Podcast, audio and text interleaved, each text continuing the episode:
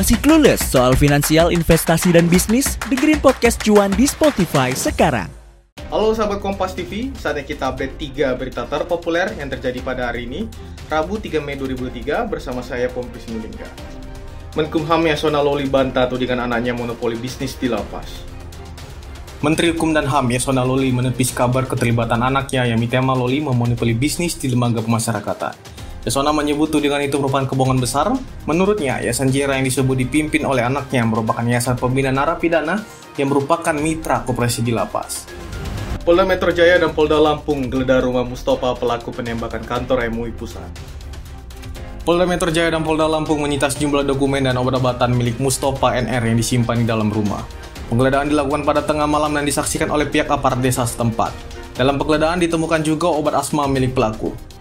Ketua Umum Partai Gerindra Prabowo Subianto bertemu dengan ribuan purnawirawan TNI Polri di Yogyakarta. Ketua Umum Partai Gerindra Prabowo Subianto disambut ribuan purnawirawan TNI Polri di Gedung Jogja Expo Center Yogyakarta. Selain Prabowo, hadir sejumlah tokoh purnawirawan lainnya, di antara Dewan Pertimbangan Presiden Wiranto. Dalam acara itu, Prabowo pun mengungkap alasannya mau jadi Menteri Pertahanan RI. Nah, sahabat Kompas TV, itu dia tiga berita terpopuler yang terjadi pada hari ini. Saya Pompes Nunika pamit undur diri. Jangan lupa di like, di komen, serta subscribe YouTube Kompas TV.